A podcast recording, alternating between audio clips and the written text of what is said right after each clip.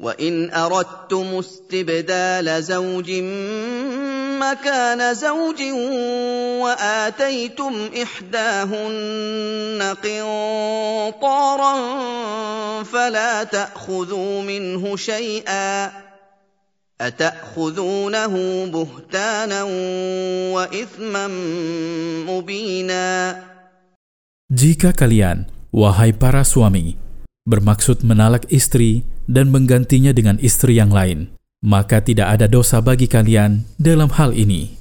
Dan jika kalian telah memberi istri yang hendak kalian cerai itu harta yang banyak sebagai maharnya, maka tidak boleh bagi kalian untuk mengambil kembali sebagian darinya, karena mengambil apa yang telah kalian berikan itu dipandang sebagai kebohongan yang nyata dan dosa yang jelas.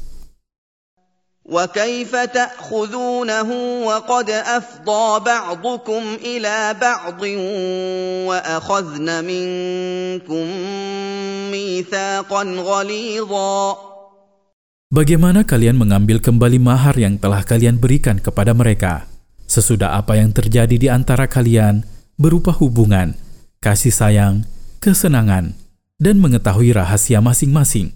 Sesungguhnya, tamak terhadap apa yang ada di tangan para istri, sesudah semua itu benar-benar perkara mungkar lagi buruk. Dan sungguh, mereka telah mengambil dari kalian perjanjian yang tegas dan berat, yaitu penghalalan terhadap mereka dengan kalimat Allah Ta'ala dan syariatnya. ولا تنكحوا ما نكح آباؤكم من النساء إلا ما قد سلف إنه كان فاحشة ومقتا وساء سبيلا Jangan menikahi wanita-wanita yang telah dinikahi oleh bapak-bapak kalian, karena sesungguhnya hal itu diharamkan, kecuali apa yang telah berlalu di masa jahiliyah, maka tidak ada hukuman atas hal itu. Karena tindakan anak yang menikahi janda bapak mereka adalah perkara yang sangat buruk. Sebab murka Allah terhadap pelakunya dan seburuk-buruk jalan bagi orang yang menitinya. حرمت عليكم أمهاتكم وبناتكم وأخواتكم وعماتكم وخالاتكم وبنات الأخ وبنات الأخت وبنات الأخ وبنات الأخت وأمهاتكم اللاتي أرضعنكم وأخواتكم من الرضاعة وأمهات نسائكم ۖ وأمهات نسائكم وربائبكم اللاتي في حجوركم من نسائكم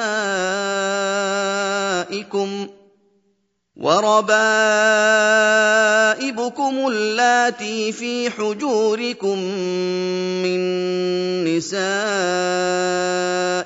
اللاتي دخلتم بهن فإن لم تكونوا دخلتم بهن فلا جناح عليكم فإن لم تكونوا دخلتم بهن فلا جناح عليكم وحلائل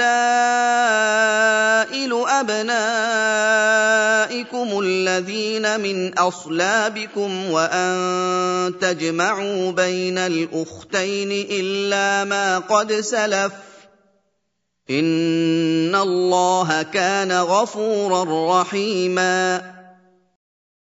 Allah juga mengharamkan kalian menikahi ibu-ibu kalian dan seterusnya ke atas, yakni ibunya ibu dan neneknya dari arah bapak atau ibu, anak-anak perempuan kalian dan seterusnya ke bawah, yakni anak perempuannya dan anak perempuan dari anak perempuannya. Demikian juga anak-anak perempuan dari anak laki-laki dan dari anak perempuan ke bawah. Saudara-saudara perempuan kalian dari ibu bapak atau dari salah satu dari keduanya. Bibi-bibi kalian dari bapak. Demikian juga bibi-bibi bapak dan ibu kalian ke atas. Bibi-bibi dari ibu kalian Demikian juga bibi-bibi ibu dan bapak kalian ke atas, anak-anak perempuan, saudara laki-laki, dan anak-anak perempuan, saudara perempuan, dan anak-anak mereka ke bawah. Ibu-ibu kalian yang menyusui kalian, dan saudara-saudara perempuan kalian dari susuan. Ibu-ibu dari istri-istri kalian, baik kalian telah menggauli istri-istri kalian atau belum. Anak-anak perempuan dari istri-istri kalian, dari suaminya yang lain, yang pada umumnya tumbuh dan terdidik di rumah kalian. Demikian juga jika anak perempuan tersebut tidak terdidik di rumah kalian. Jika kalian telah menggauli ibu-ibu mereka, adapun bila kalian belum menggauli ibu-ibu mereka, maka tidak mengapa kalian menikahi anak-anak perempuan mereka. Diharamkan juga bagi kalian untuk menikahi istri-istri dari anak laki-laki kandung kalian, sekalipun anak tersebut belum menggauli mereka. Hukum ini juga mencakup istri-istri anak-anak kalian dari susuan. Diharamkan juga bagi kalian untuk menyatukan kakak beradik dari nasab atau susuan dalam satu pernikahan, kecuali apa yang telah berlalu di masa jahiliyah, maka Allah memaafkan hal itu. Sesungguhnya Allah Maha Pengampun bagi hamba-hambanya yang bertobat kepadanya, Maha Penyayang kepada mereka. Dan dalam as-sunnah ditetapkan pengharaman menyatukan seorang wanita bersama bibinya dari bapak atau dari ibu dalam satu pernikahan. Faidah dari ayat-ayat di atas. Pertama, Allah membolehkan talak di antara suami istri dan memberikan hak talak kepada suami. Kedua, jika seorang laki-laki telah menggauli istrinya, maka maharnya telah tetap dan tidak boleh melanggarnya atau berharap untuk mengambilnya kembali, termasuk ketika suami hendak berpisah dengannya dan menalaknya. Ketiga, Allah Ta'ala mengharamkan untuk menikahi janda bapak karena perbuatan ini adalah perbuatan keji yang ditolak oleh akal yang sehat dan fitrah yang lurus. Keempat, Allah Ta'ala menjelaskan secara terperinci siapa wanita yang halal untuk dinikahi dan siapa yang tidak, baik karena hubungan nasab hubungan pernikahan atau hubungan susuan untuk memuliakannya dan menjaganya dari pelanggaran.